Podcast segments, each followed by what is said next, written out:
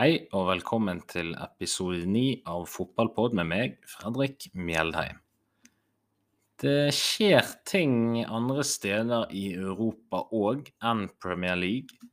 Jeg ønsker i denne podden å gi en liten eh, oppdatering fra Spania og Tyskland og henholdsvis La Liga og Bundesliga. Litt fordi at eh, jeg er klar over at Premier League er eller at det er den mest populære ligaen i Norge. Men det er mange spillere da, eh, som tar veien eh, via Spania, Tyskland, før de da eventuelt eh, ender opp i Premier League på et tidspunkt. Så det kan være spennende for folk å være litt opplyst om hva som rører på seg da i, i disse ligaene. Jeg ser òg TV 2 satser ganske hardt på La Liga, da, særlig etter de mistet Premier League-rettighetene. Og det syns jeg er, er, kult, for det at uh, det å ha god dekning av Barcelona og, og Real Madrid, det, det syns jeg er spennende. Merket jo særlig når um, fotball ble nedstengt i England etter uh, dronningen sitt dødsfall, at det var, det var kjekt. Det var noenlunde OK fotball andre steder på kontinentet òg, da. Så dette er nok noe jeg kommer til å gjøre i, i tide og utide. Eh, litt sånn, eh, skal vi si, telegram fra, fra Syden, da, i Spania og eh, Tyskland. Selv om Tyskland ikke er Syden, da, men det er noe varmere enn her. Begynner litt med La Liga, da. Det har blitt spilt en del runder i La Liga nå. Ligger på åtte runder spilt, og det er et par ting som er verdt å ta med seg herfra, da.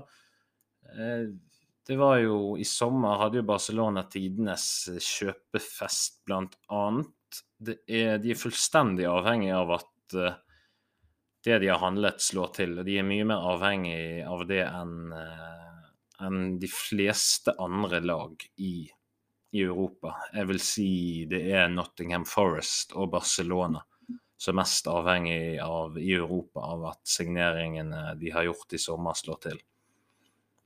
Men jeg vil begynne litt fra starten av.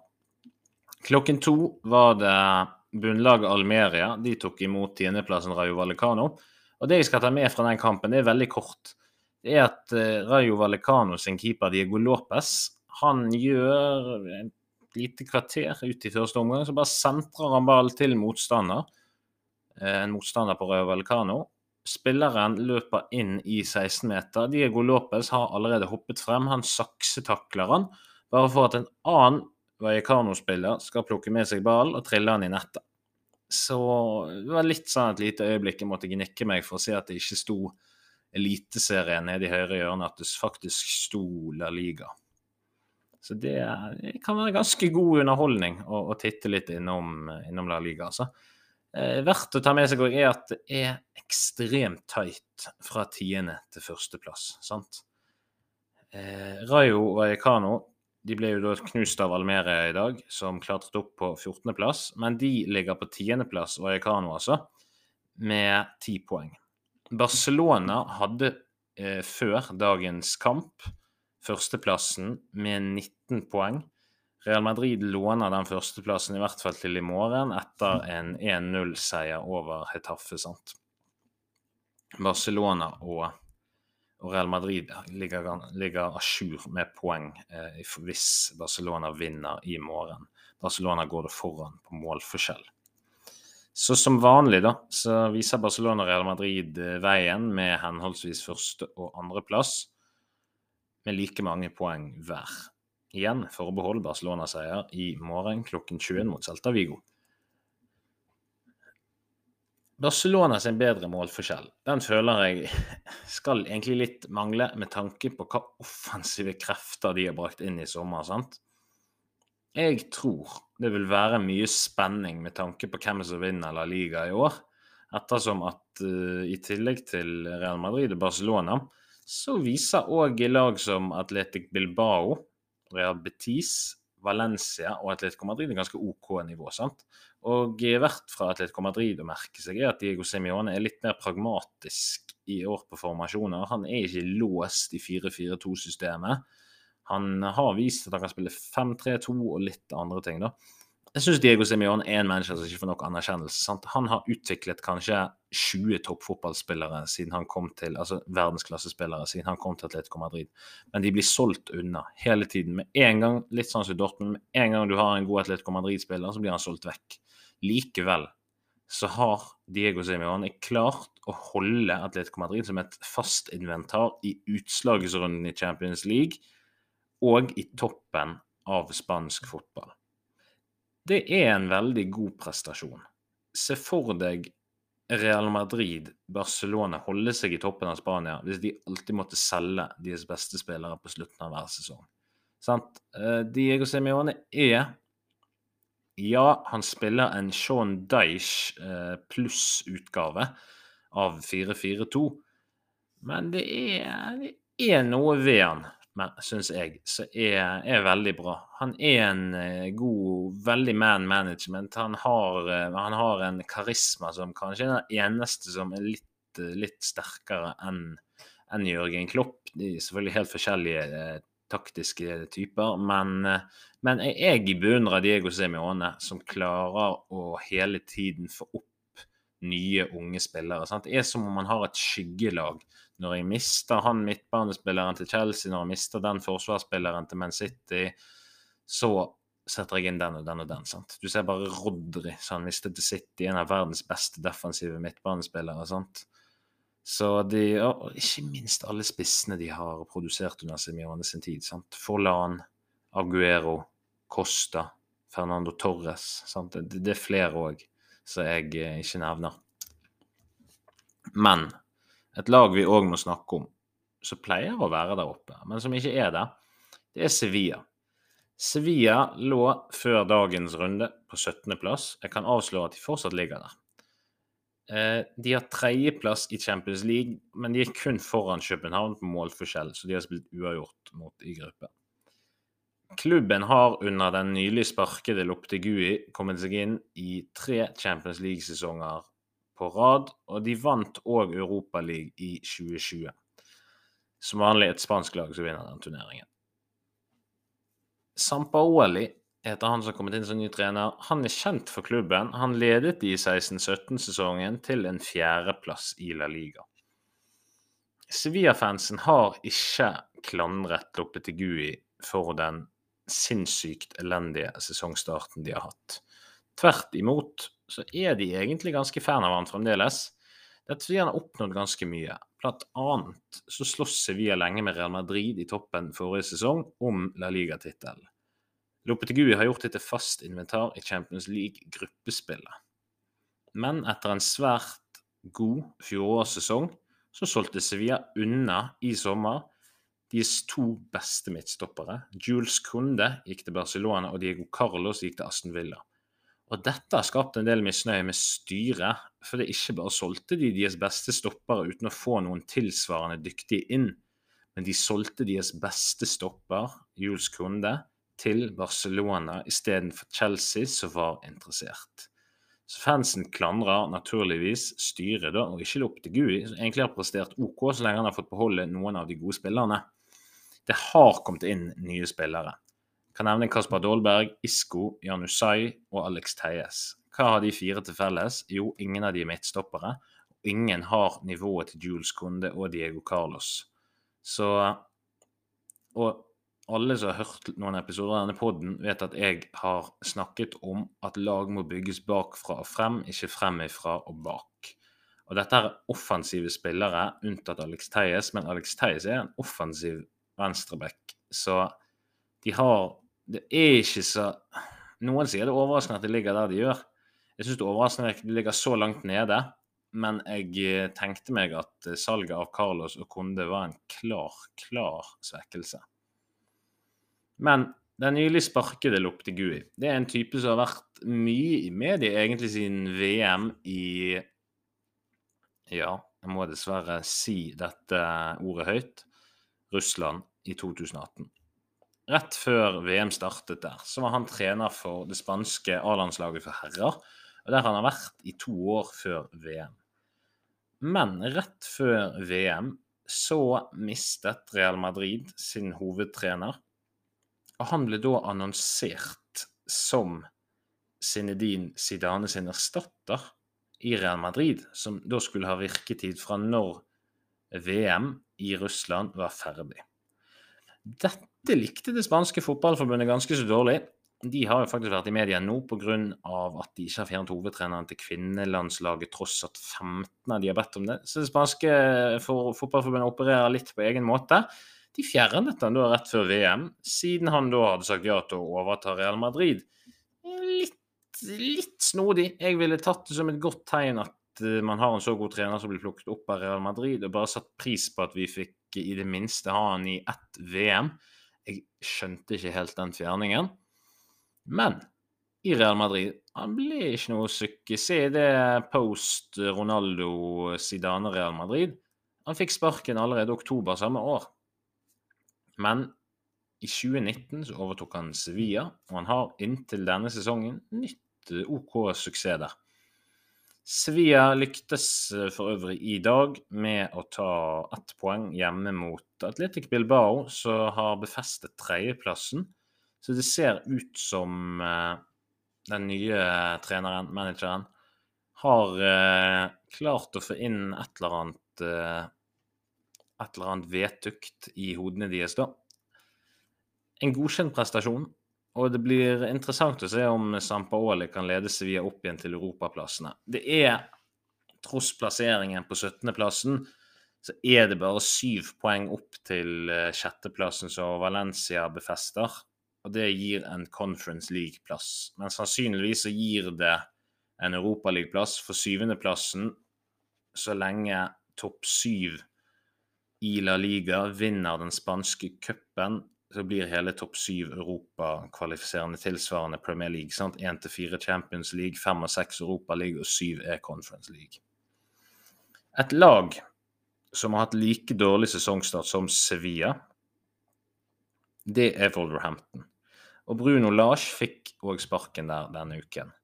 Og nå kobles den sparkede Sevilla-treneren Lopetegui som den heteste kandidaten til å overta Wolverhampton. Jeg tenker at det ikke er noe med det.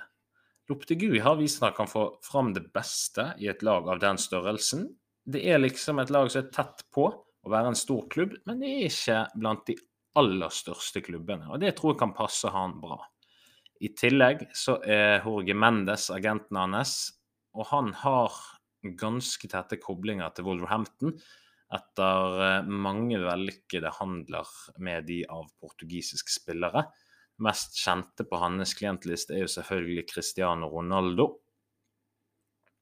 Så det er, det er litt spennende å se hvordan en dårlig sesongstart i Sevilla sant, kan henge sammen med at Wolverhampton får eh, en ny manager fra den aktuelle klubben. Sant? Det er Fotball er i hvert fall i topp fem-ligaene. Det henger sammen, og det sirkuleres ofte de samme trenerne, spillerne, støtteapparat. De går litt sånn på rundgang som dominobrikker i, i klubbene. Så det er litt sånn spennende å se de mønstrene.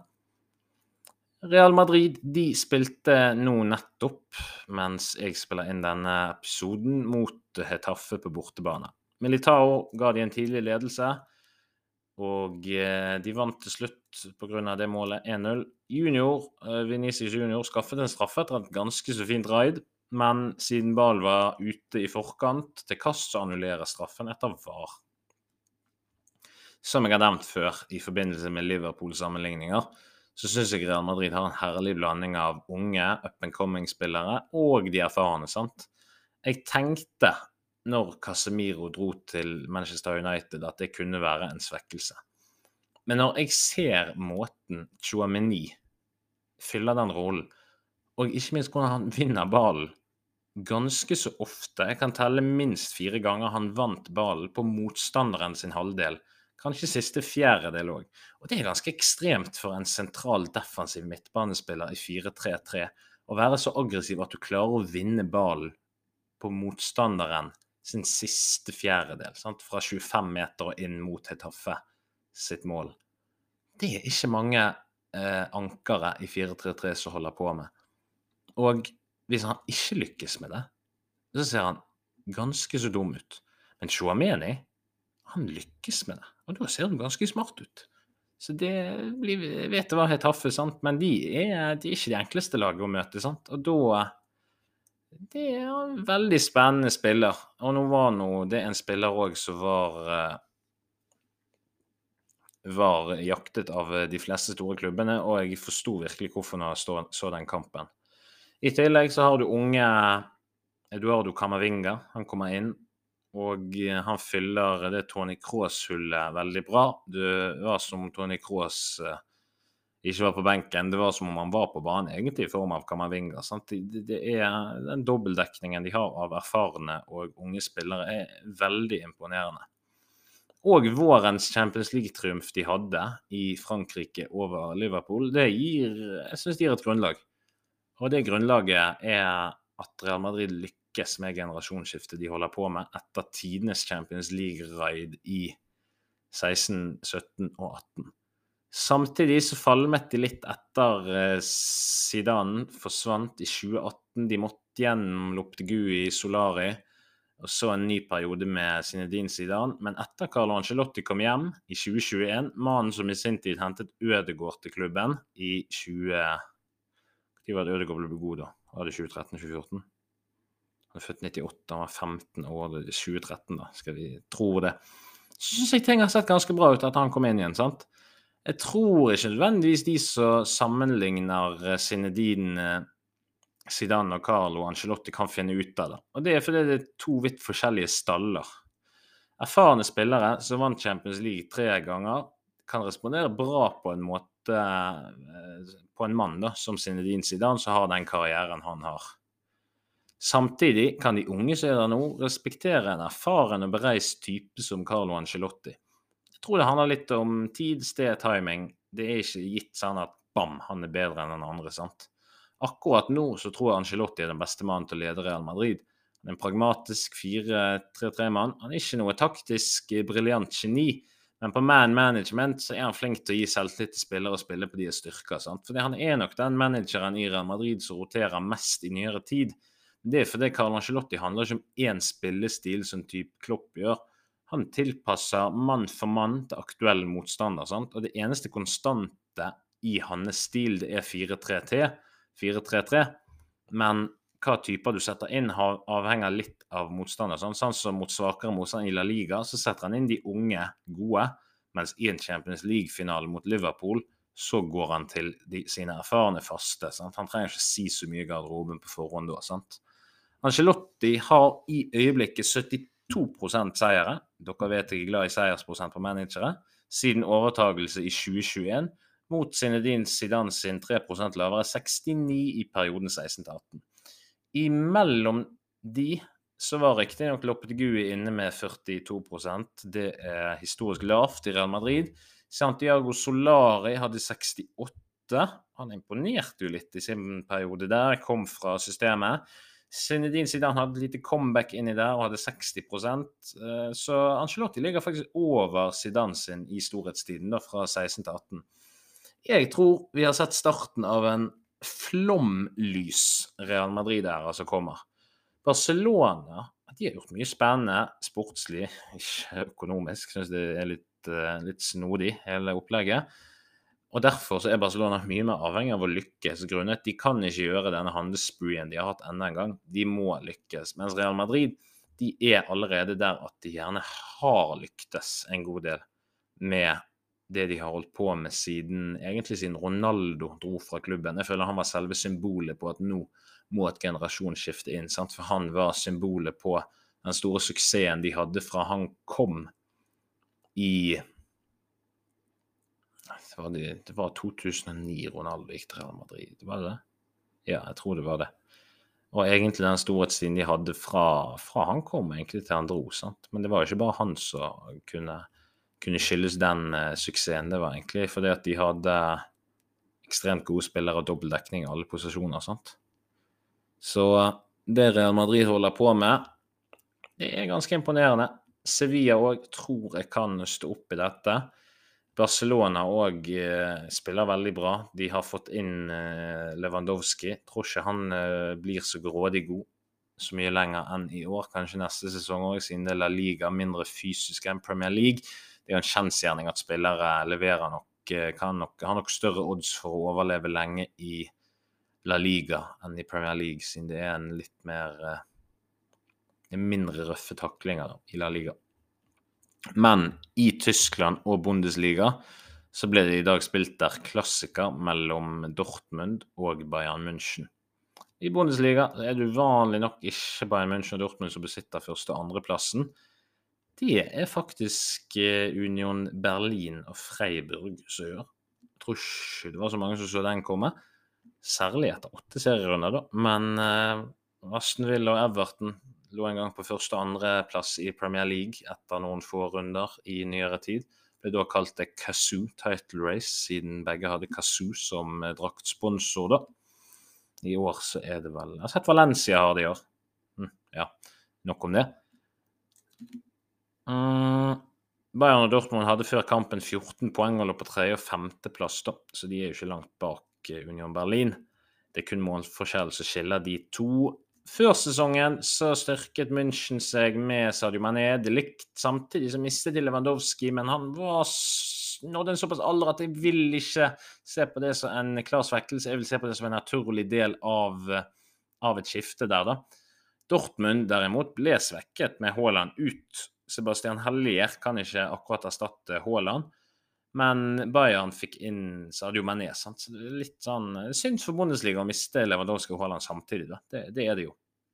Men eh, Dortmund har fått inn noen spennende spisser som faktisk er under 18. Jeg kommer litt tilbake til det. Før kampen så hadde Dortmund tapt siste åtte oppgjør mot eh, Bayern München i alle konkurranser, type cupliga, Champions League, sant. Bayern de syns jeg har et uvanlig spennende lag. Svært spennende lag, faktisk. For det, I likhet med Real Madrid så mener jeg de har en sånn top notch-blanding av ung og erfarent. I startoppstillingen sant? du ser navn som De Ligt, Musiala, eh, Leroy Sané og Alphonse Davies. Sant? Men så har du òg Manuel Neuer, du har Sadio Mané, Joshua Kimmich, Thomas Muller, sant? så oser erfaring.